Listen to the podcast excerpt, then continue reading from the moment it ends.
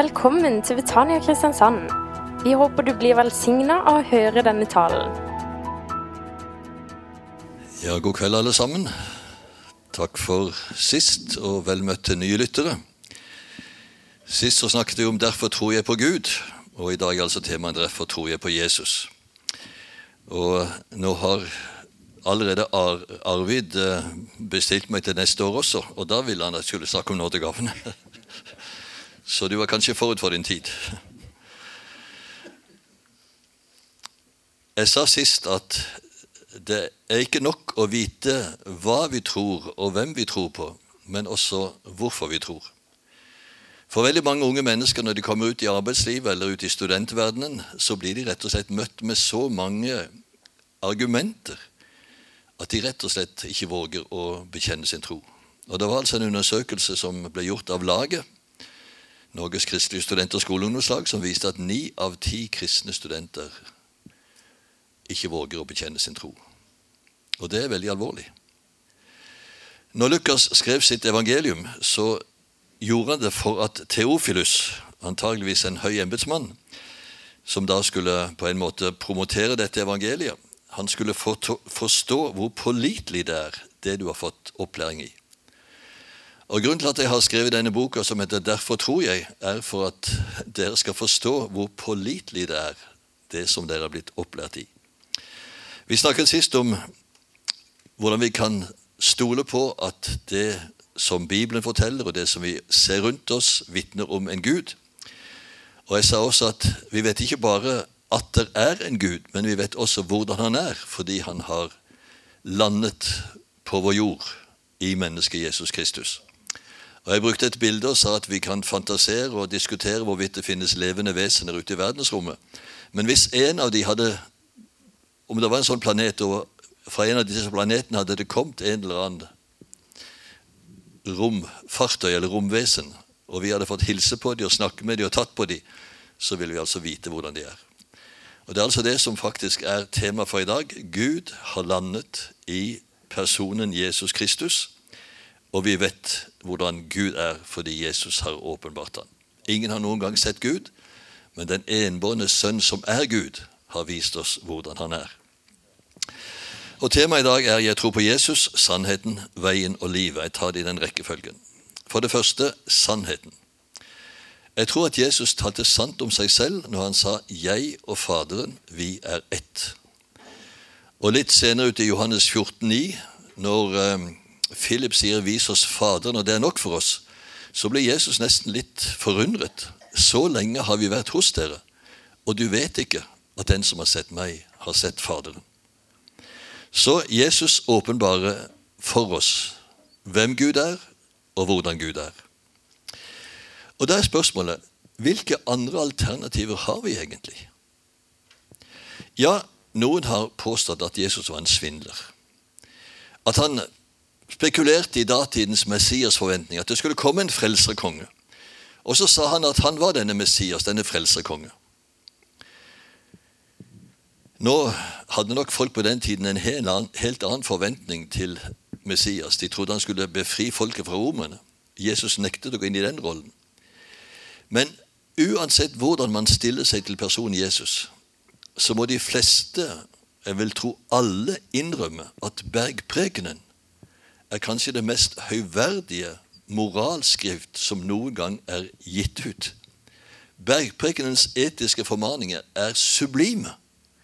Og han som ga oss denne bergprekenen, han levde også etter den helt og fullt. Hvem kan anklage meg for noen synd, sa han. Er det sannsynlig at han skulle være en svindler? Noen har ment at Jesus var sinnssyk. At det rett og slett hadde gått til hodet på han, dette med å være Gud. Jeg så en liten sånn en vitsestripe i et blad. og Der var det en pasient som da, satt der foran legen. Og Så sier legen 'fortell meg nå alt fra begynnelsen'. Og Så så mannen nokså forvirret ut og sa 'ja, i begynnelsen skapte jeg himmel og jord'. Og Da skjønner man nokså fort at denne personen hadde rablet litt for. Men er det noe som tyder på at Jesus var sinnssyk? Led av stormannsgalskap? Paranoid? Det var en fransk psykiater som het J.T. Fischer, og han gjorde en undersøkelse av Jesu mentale helse pga. Jesu ordbruk og ikke minst hans lignelse. Og Hans konklusjon rent psykiatrisk var at Jesus måtte ha vært det optimalt sunne mennesket. Han var fullstendig fri i forhold til høy og lav. Han omgikk både barn og kvinner og menn, alle slags mennesker, syke og friske. Han var totalt innenfrastyrt, og det er jo et tegn på et sunt menneske.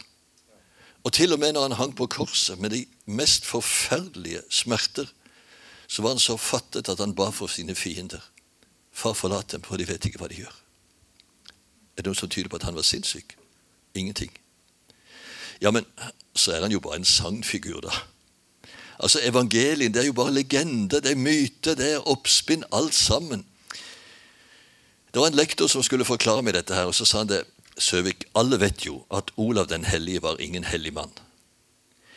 Men når Snorre skrev sine kongesager, så skrev han at en blind mann hadde kommet inn i det skuret der liket til Olav lå, og så hadde han fått noe blod fra den døde kroppen på hendene, og så hadde han strøket seg på øynene, og så fikk han syn igjen.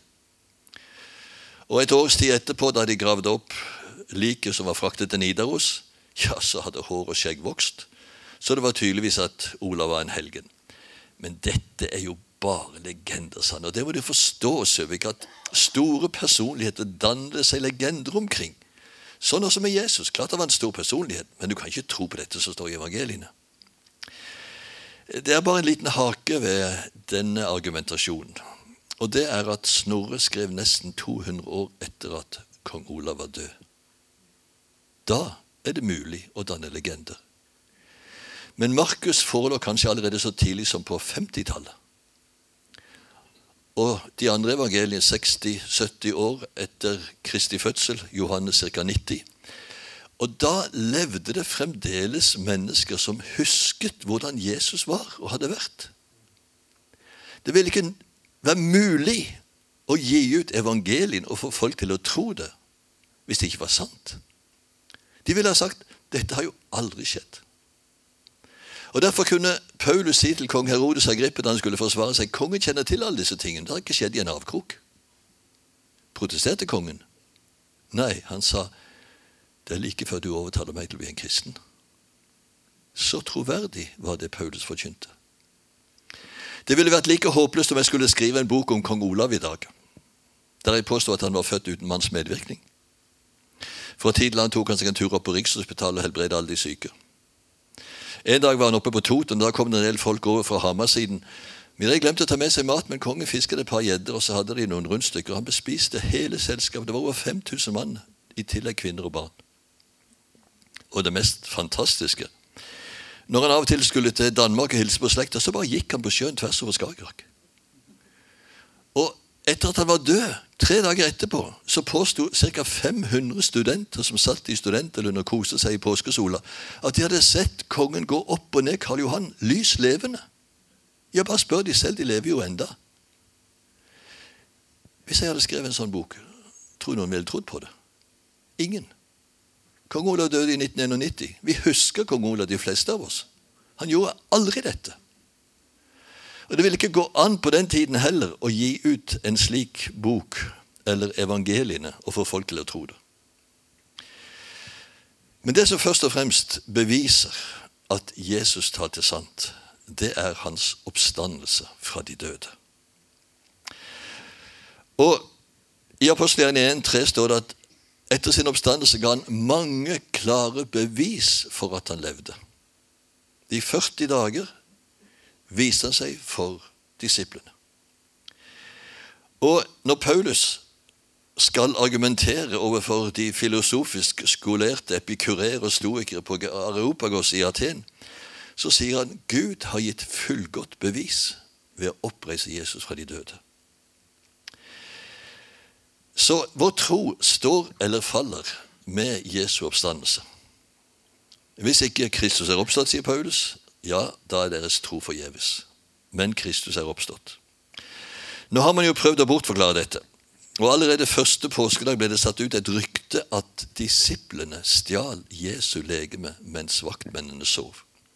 For Vaktmennene de løp av gårde til presten og fortalte at det kom til et jordskjelv, og steinen ble veltet bort, og graven var tom. Og Da ble det jo panikk. Og de sa til disse vaktmennene, disse soldatene, si ikke at han er stått opp. Si at disiplene stjal Jesu legeme mens dere sov. Og de fikk mange penger for å si dette, og prestene lovte de skulle snakke med landshøvdingen også. For det var faktisk dødsstraff for en soldat å sove på vakt. De må ha vært ganske panikkslagne. Tenk å få folk til å tro at disiplene stjal Jesu lege mens de sov. Hvordan kunne de vite hva som skjedde hvis de sov? Kunne jo ikke vite. Dessuten, disiplene ville neppe ha våget det. De satt bak stengte dører. De var livredde. Og om de nå skulle ha våget noe så dristig som å prøve å velte bort en tre til fem tonns tung stein, og så ta med seg et lik, så ville vaktmennene ha våknet hvis de hadde sovnet. En annen mulig bortforklaring var at prestene fjernet liket. De hadde jo forstått såpass at Jesus hadde sagt han skulle stå på. Det var jo derfor de hadde satt vakt ved graven.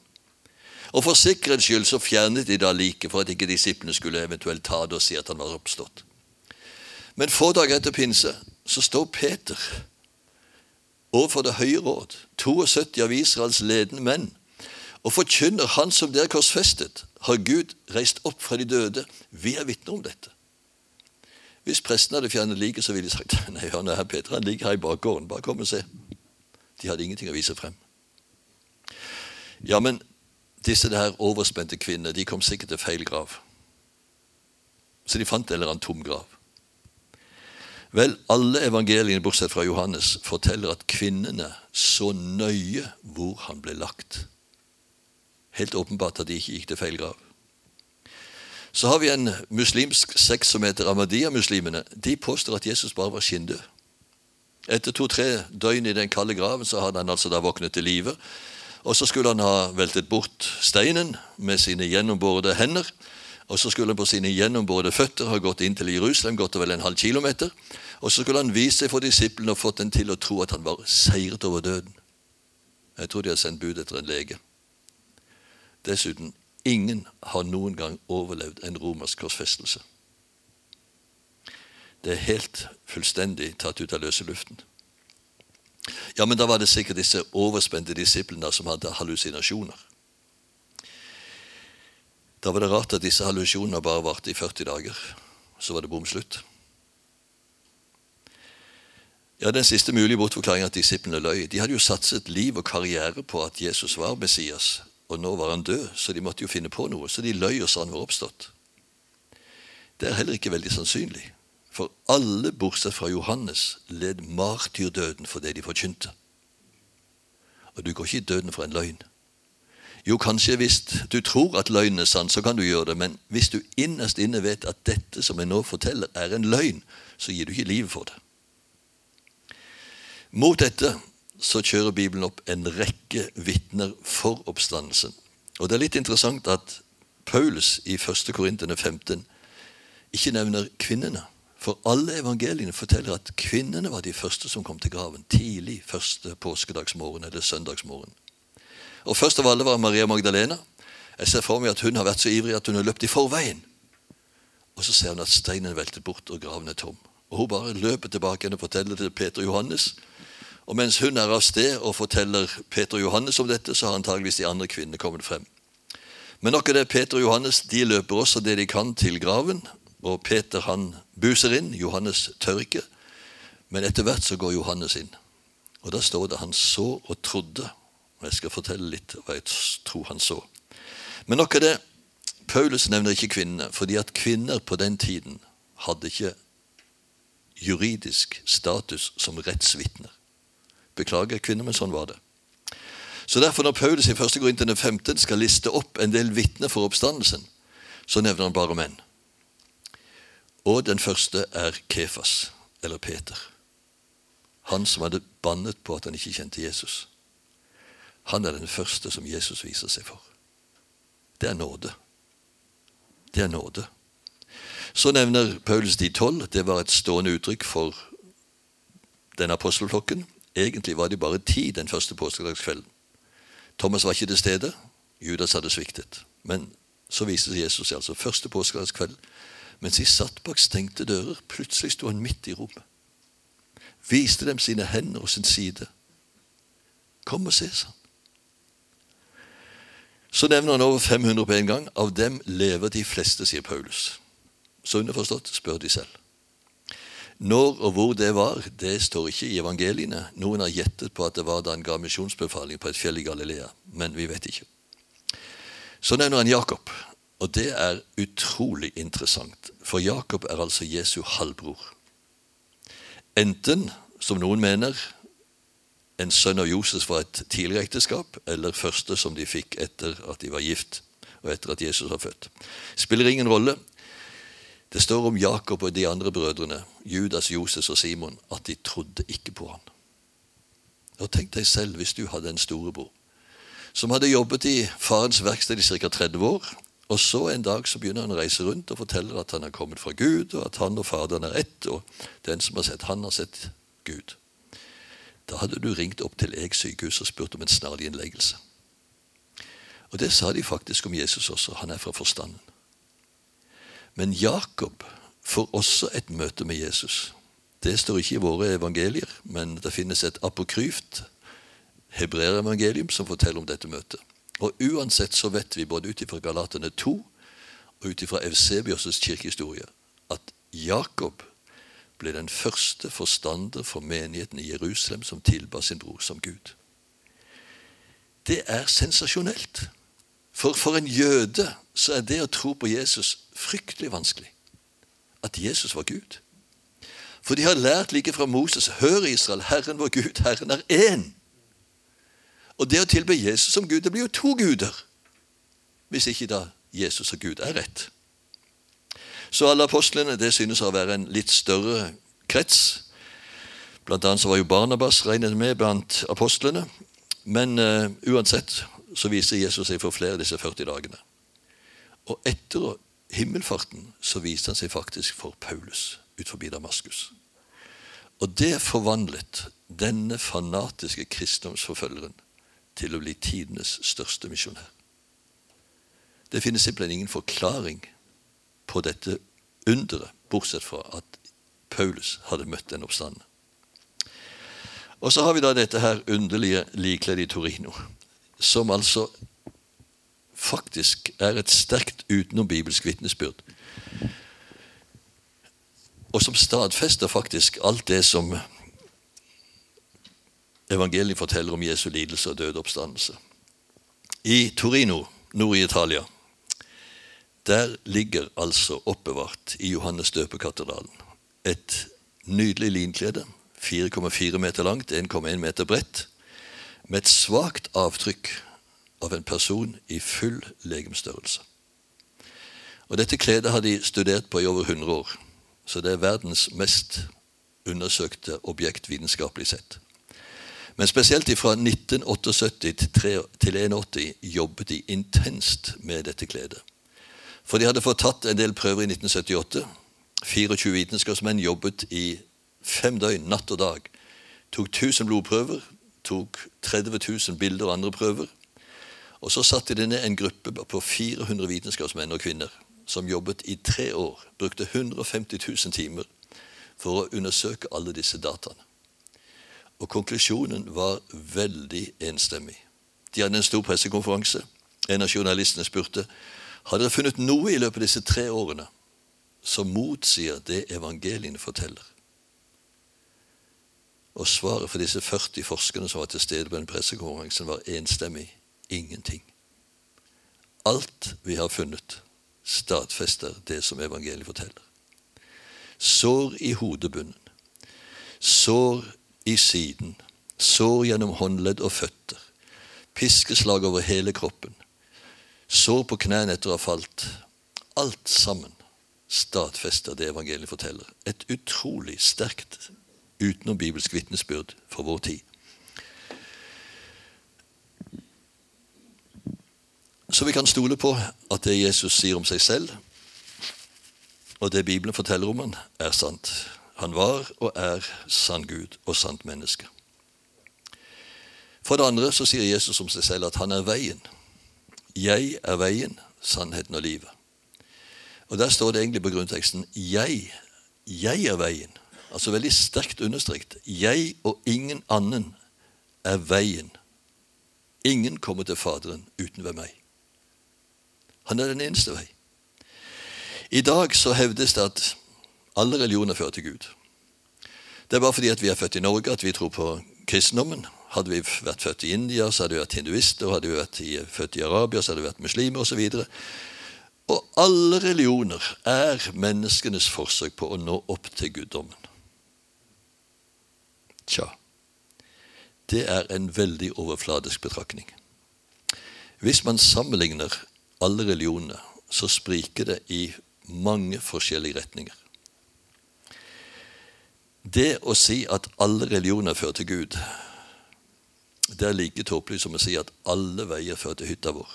Vi har ei lita hytte som heter Almatun. Den ligger oppe i Øvitraktene. Skal du dit, må du ta rv. 9 til Hornes. Så må du ta til venstre mot Åseral. Kjør en mils vei, så er det en skogsvei. Så kjører du på den ca. en kilometer, så er det en sti inn til hytta. Det er den eneste veien. Skal du dit, så må du altså følge den veien. Det finnes ingen annen vei. Å si at alle veier fører til Gud, alle religioner fører til Gud, er akkurat like tåpelig som jeg skulle si alle veier fører til hytta vår. Du kan kjøre nord, sør, øst, vest. Du havner på hytta vår uansett. Takk og pris at du ikke gjør det. Det som er forskjellen på kristendommen, evangeliene og religionene, er at alle religioner, selv om de spriker i mange retninger, har allikevel som et mønster vi selv må gjøre for å oppnå. Mens evangeliet forteller hva Gud har gjort i Kristus. Alle religioner er menneskets forsøk på å arbeide seg opp til Gud. Bibelen forteller at Gud kommer til oss i Kristus. Det er en himmelvid forskjell. Derfor kan Jesus si 'Jeg er veien, sannheten og livet'. Men det er ikke nok å tro at dette er sant. Egentlig er det litt feil å si at vi blir frelst ved tro. For da vil noen si at du har din tro, jeg har min tro. Er det ikke samme hva vi tror, bare vi er fornøyd med vår tro? Nei, vi blir frelst ved å tro på Jesus. Og det er en forskjell altså på å tro at og tro på. Og det forklarte for en mann som kom innom kontoret mitt for en del år siden. Han sa følgende Kan du forklare meg en ting, Søvik? Jeg vokste opp i et kristent hjem. Jeg tror at Gud finnes. Jeg tror at Jesus har levd. Jeg tror at alt som står i Bibelen, er sant. Jeg tror at Jesus døde og sto opp igjen. Men jeg er ingen kristen. Hva er det som mangler? Og Da vil sikkert noen sagt at ja, du er jo en fin kristen, du er jo både døpt og konfirmert også, så attpåtil så er alt i orden. God tur videre. Nei. Jeg brukte et bilde så sa jeg, du, sett at du skulle reise til Oslo. Så går du ned på stasjonen og kjøper en billett. Går ut på perrongen, der står Oslo-toget. Du tror at det går til Oslo. Ingen grunn til å tvile på det. Det har gått tusen ganger før, minst. Du har billetten i hånden, den er betalt. Og så lyder det i høyttaleren 'Tog til Oslo, klar for avganges på to'. Ta plass, ta plass. Og det tror du også er sant. Men du stiger ikke på. Kommer du da til Oslo? Nei, nå skjønner det sånn. Det er det som mangler. Du må ta konsekvensen av det du tror er sant, og betro deg til Jesus med hele livet, for hele livet. Jesus er det eneste tog som fører til himmelen. Så gikk han, men tre ukers tid etterpå kom han tilbake igjen og så sa han, du, jeg vil gjerne gå på det toget til himmelen. Og det gjorde han. Og det var godt, for tre måneder etterpå så døde han av kreft. Men han steg på i tide. Allikevel, når jeg tenker over alt dette, at det er sant det jeg tror både om Gud og om Jesus, så er det allikevel kanskje ikke det som er den dypeste grunnen til at jeg tror på Jesus i dag. Det har faktisk mer med erfaring å gjøre. Jeg tror det er nødvendig å tro at dette er sant. For hvis du ikke tror det er sant, så vil du aldri finne på å komme til Jesus. Men denne overgivelsen til Jesus den bygger som regel på erfaring. Og Jesus sier selv i Johannes 7, 17, Vil noen gjøre etter Guds vilje, da skal han få kjenne om læren er av Gud, eller om jeg taler av meg selv. Du kan gjøre et erfaringsbevis. Og min erfaring var følgende. Jeg er jo vokst opp i et kristent hjem. Men det gikk med meg som med de fleste ungdommer, kanskje. Det var noen år som jeg var borte fra Gud. Vennene trakk mer. Men så begynte jeg på gymnaset og i det kristne skolelaget. Der fikk jeg nye venner. Og en kveld talte predikanten om Jesu gjenkomst. Og Han mente at Jesus kunne komme igjen når som helst. Jeg er ikke helt sikker på om det er riktig, men han mente iallfall det. Og når Jesus kommer igjen, de som da ikke er rede, de kan bare stå og vinke til de som tar av. For Jesus kommer til å hente sine. Jeg husker jeg tusla hjem den kvelden og tenkte som så hvis Jesus kommer igjen i natt, så kan jeg bare stå og vinke. Jeg blir iallfall ikke med. Jeg har prøvd så godt jeg har kunnet, men jeg er ikke god nok. Det holder ikke mål. Livet mitt er rett og slett for oppsplitta. Jeg har gjort altfor mye galt. Og det var en vond følelse. Fryktelig følelse. Og Da jeg satt alene på hybelen, så tar jeg Bibelen, og så slår jeg opp på måfå og leser det første som blikket mitt falt på. Og der sto 2. Korintene 5,21. Han som ikke visste av synd, har Gud gjort til synd for oss, for at vi i ham skal stå rettferdig for Gud. Og liksom i et øyeblikk så så jeg det. Jeg hadde prøvd å oppvise min egen rettferdighet for Gud. Men jeg skulle få være i Kristus. Og nå har jeg en nokså visuell fantasi, så jeg så liksom for meg at Jesus så å si var utenpå meg. Og så sa jeg bare ja, Jeg knelte forresten ned ved senga mi. Jesus, nå kommer jeg til deg. La meg få være i deg. Og er fylt av en forunderlig fred og glede og visshet. For jeg visste at om Gud ser på meg, så ser han bare Jesus. Og så skjønte jeg dette ordet som står i Romen 8,1, så er det ingen fordømmelse for den som er i Kristus Jesus. I Kristus Jesus. Og Det er faktisk et av Paulus' yndlingsuttrykk når det gjelder å være en kristen. Det er å være i Kristus. Han bruker det visstnok 117 ganger. Og så har jeg opplevd bønnhørelser. Jeg har skrevet en hel bok som heter 'Bønn framfor alt'. Jeg har opplevd helbredelser, både å bli helbredet selv og be for syke som har blitt helbredet. Jeg kunne fortelle mange mange eksempler på det, men jeg ser tiden går, og klokka tikker. Men da er det mange som spør ja, men hvis man ikke blir frelst ved å tro at, men ved å frelst ved å tro på, hvordan kommer vi da egentlig til Jesus? Det måtte jo vært mye enklere på den tiden når Jesus vandret lys levende mellom folk. Men nå ser vi jo ikke lenger. Faktisk er vi egentlig bedre stilt, for Jesus er nær hos den som kaller på ham. Og det å tro på Jesus, det er egentlig å komme til Jesus. Jesus sier i Johannes 6, 35, 'Jeg er livets brød'. Den som kommer til meg, skal aldri noensinne hungre. Og den som tror på meg, skal aldri noensinne tørste. Og Veldig ofte når Jesus skulle si noe viktig, så begynte han med å si amen, amen. Sannelig, sannelig, jeg sier dere. Den som kommer til meg, den som tror på meg. Det er det samme. Han brukte forskjellige uttrykk for å si samme sak. Og det å komme til Jesus, det spiller ingen rolle hvordan vi kommer. Han bruker jo bildet med at han er det brød som gir liv. Hvis du er sulten, hva er det viktigste? Måten du beveger deg til brødskuffen på, eller at du kommer dit? Selvsagt at du kommer dit. Du kan være mye sulten eller lite sulten. Du kan være helt overbevist om at det er brød i skuffen, eller kanskje tvile på om det er det. Men hvis du kommer til brødskuffen, så finner du mat. Hvis du kommer til Jesus, så finner du liv. Jeg har skrevet en annen liten bok jeg hadde faktisk ikke med i kveld, det kunne jeg hatt, men den heter 'Veien hjem'. Og Der har jeg intervjuet tre personer om hvordan de kom til Jesus. Og Hun første heter Sandy. Hun hadde prøvd alt i livet for å finne fred, men var like urolig. Så skjer altså det at mora hennes blir frelst og kommer og vitner for sin datter hva som har skjedd. Og først blir dattera sint. Men mora sier, 'Sandy, du har prøvd alt. Yoga, transcendental meditasjon, kurer, trening, flytting. Du har prøvd alt. Kan du ikke prøve Jesus også?' Så gikk mora, og dattera sitter igjen. Må konstatere at det har skjedd noe med mora. Hun tar seg en dusj, og der i dusjen sier hun 'Jesus, hvis du fins der ute'. Det er ikke veldig mye overbevisning. Jesus, hvis du fins der ute, kom inn i livet mitt og gjør det nytt. Og det gjorde Jesus. For hver den som påkaller Herrens navn, skal bli frelst.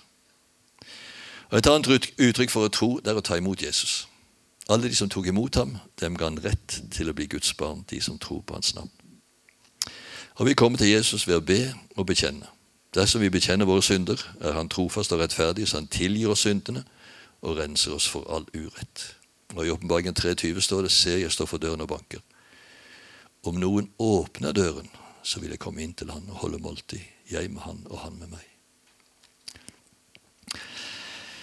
Jeg kan aldri sitere det bibelordet uten å se for meg en ung mann som stanset igjen etter et møte jeg hadde talt om akkurat det bibelordet.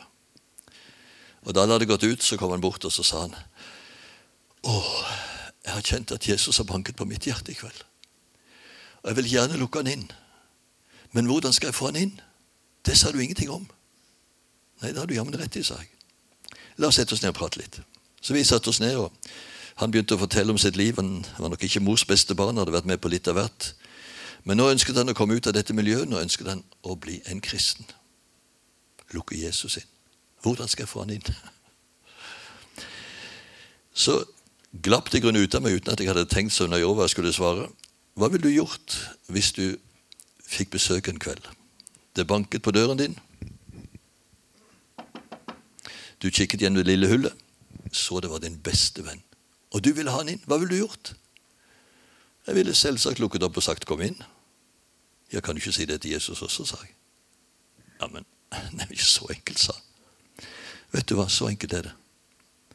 Du skjønner, det rettferdige og hellige og fullkomne livet som vi egentlig skulle leve, men som vi ikke får til pga. at vi er syndere, det livet levde Jesus. Han var fullkomment ren og hellig.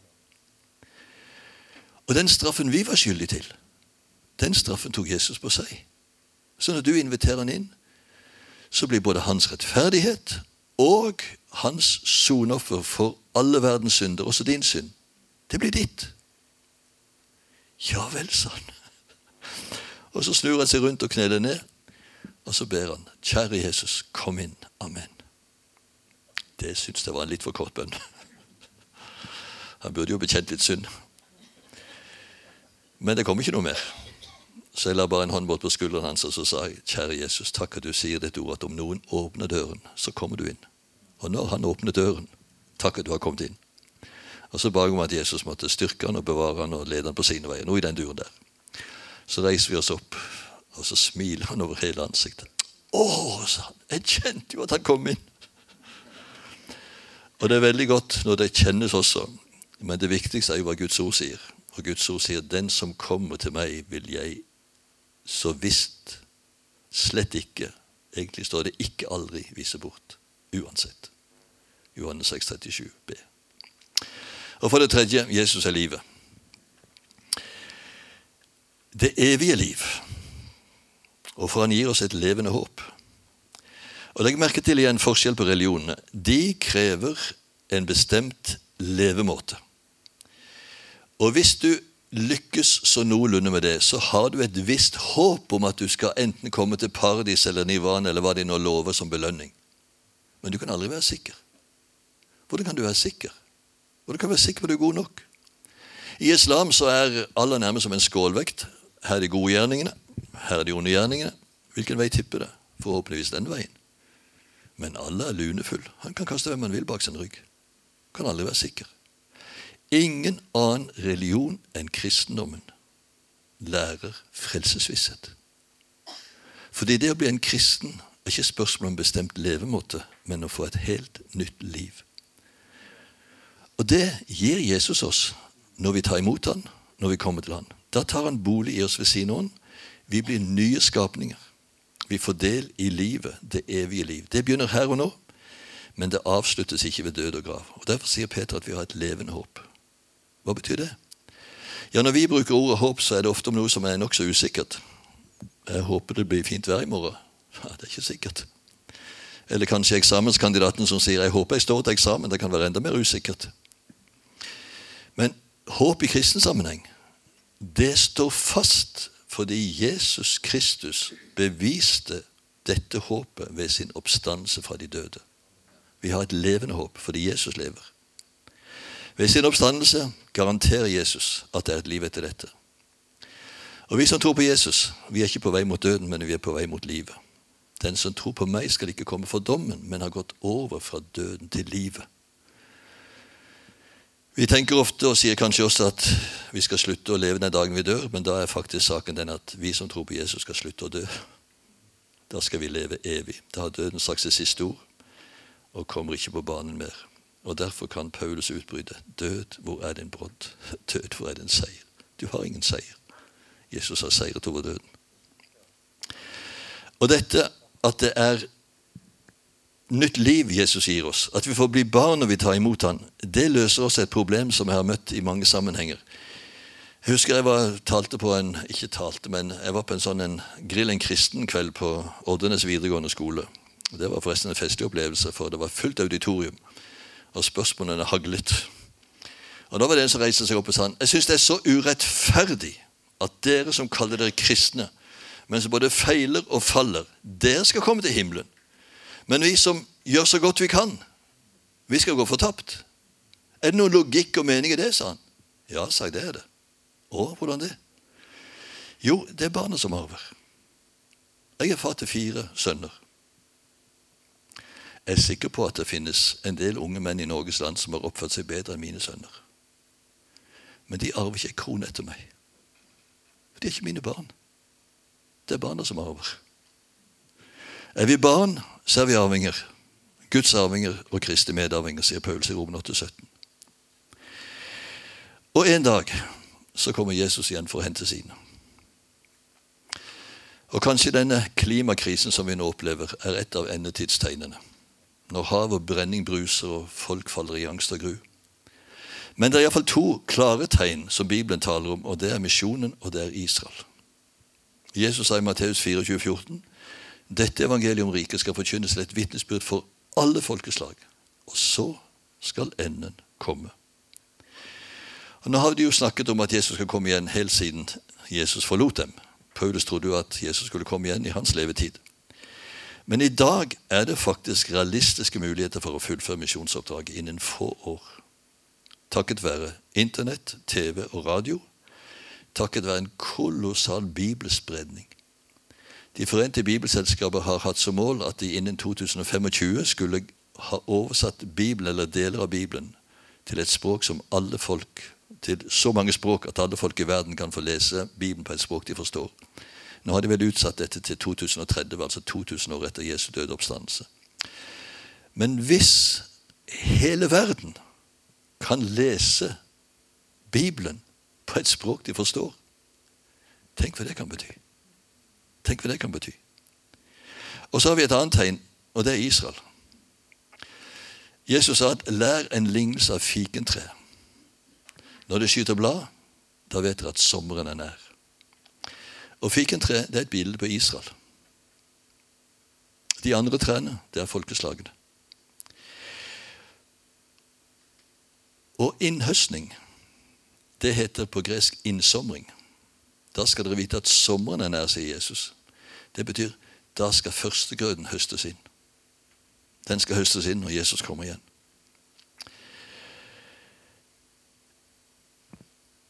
Og Det er mange løfter i Det gamle testamentet at Gud vil samle sitt folk. I Jeremias 32 står det 'Jeg samler dere fra alle folkeslagene dere er spredt til'. Amos forteller at han vil bygge opp igjen Davids falne hytte. Og Dette bekreftes også av Peter i apostlene 15, 16. Og Esekiel sier også i kapittel 38 når årene er omme Legg merke til uttrykket 'når årene er omme'. Da vil jeg samle dere fra alle folkeslagene, og dere skal bo trygt. Altså, Vi må være blinde hvis vi ikke ser dette. Gud samler sitt folk fra alle verdens land til sitt eget hjemland. Nå vil endetiden bli en stor trengselstid. Og Jesu komme vil for de som ikke er beredt, komme som en tyv om natten. Det står i Matteus 24 utover om Noas dager. Slik skal det være når Jesus kommer igjen. Og På Noas tid står det de skjønte ingenting. Og Det samme vil sies som de fleste mennesker i dag. De skjønner ingenting av det som skjer. Men dere, sier Paulus, dere hører ikke natten til, dere hører dagen til. Så derfor vil ikke den dagen komme over dere som en tyv. Derfor gjelder det å våke og være rede i jakt på tegnene. Og selv om det blir en stor trengselstid, så sier Bibelen da stunder det mot vår forløsning. La ikke hjertet bli grepet av angst. Tro på Gud og tro på meg. Og når alt dette begynner å skje, sier Jesus, da løft deres hode, deres forløsningsstunder til. Jeg har av og til tenkt på Hvis jeg selv skal oppleve dette, vil jeg holde ut? Vil jeg tåle forfølgelse, trengsel, tortur? Og Da står det et trøstens ord i Åpenbaringen 3.10. Fordi du har tatt vare på mitt ord om å holde ut, vil jeg bevare deg gjennom den trengsel som skal komme over jorden. Egentlig står det fordi du har tatt vare på mitt utholdenhetsord. Altså det ordet som gir kraft til å holde ut, så vil jeg bevare deg. Og når Jesus da kommer igjen, da skal vi bli han like. Nå må jeg innrømme og tilstå at det å komme til himmelen, det var i mange år for meg en nokså traumatisk tanke. For min søndagsskolelærer hadde ødelagt alt fremtidshåp. Han hadde forklart hvor lang evigheten var, og brukte følgende groteske bilde. Tenk deg verdens høyeste fjell. Og Jeg visste at det var Mount Everest, og på, i min barndom så var det 8882 meter høyt. Nå er det visstnok målt litt lavere, men det er høyt uansett. Tenk deg så, sa han. Det kommer en fugl, en stor fugl, hvert tusen år og sliper nebbet sitt på det fjellet. Og når det fjellet er slipt helt ned, da har det gått ett sekund av evigheten. Og mine fremtidsutsikter var å stå og synge i kor i all evighet. Kan du tenke på en tortur?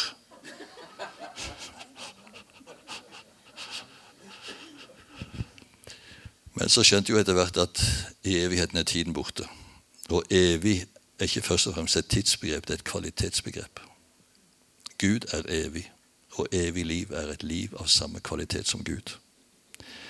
Dessuten så tror jeg at vi skal gjøre atskillig mer enn å stå og synge. vi skal herske sammen med Han. Jesus er kongenes konge. Vi er også blitt konger. Kongerike og prester. Og hele evigheten skal tilbringes på en nyskapt jord. Og Når Johannes skal prøve å beskrive dette i åpenbaringsboken 21 utover, så syns jeg nesten litt synd på han. Jeg så en ny himmel og en ny jord. Den første jord var borte, og havet fantes ikke mer. Og jeg så det nye Jerusalem komme ned fra himmelen, fra Gud, som en brud pryntet for sin brudgom. Og jeg hørte en røst fra tronen som sa, Se, jeg gjør alle ting nye. Og Når han så skal beskrive det han ser, det nye Jerusalem, så henter han frem de vakreste bilder han kan tenke seg, med gater av gull og porter av perler og murer av alle slags edelsteiner, og så er det bare liksom. Det er bare liksom. Så det finnes ikke ord for å beskrive det som venter. Men i 1. Johannes brev så sier han det er ennå ikke åpenbart hva vi skal bli. Men vi vet at når Han åpenbarer seg, da skal vi bli ham like. Og vi skal se Han som Han er. Og Jeg kjenner det noen ganger nesten som det sitter i kroppen av spenning og forventning. Han som jeg har trodd på, han som jeg har tjent, tilbedt og elsket et helt liv uten å se. Han skal en dag se ansikt til ansikt. For en dag det skal bli. For en dag det skal bli.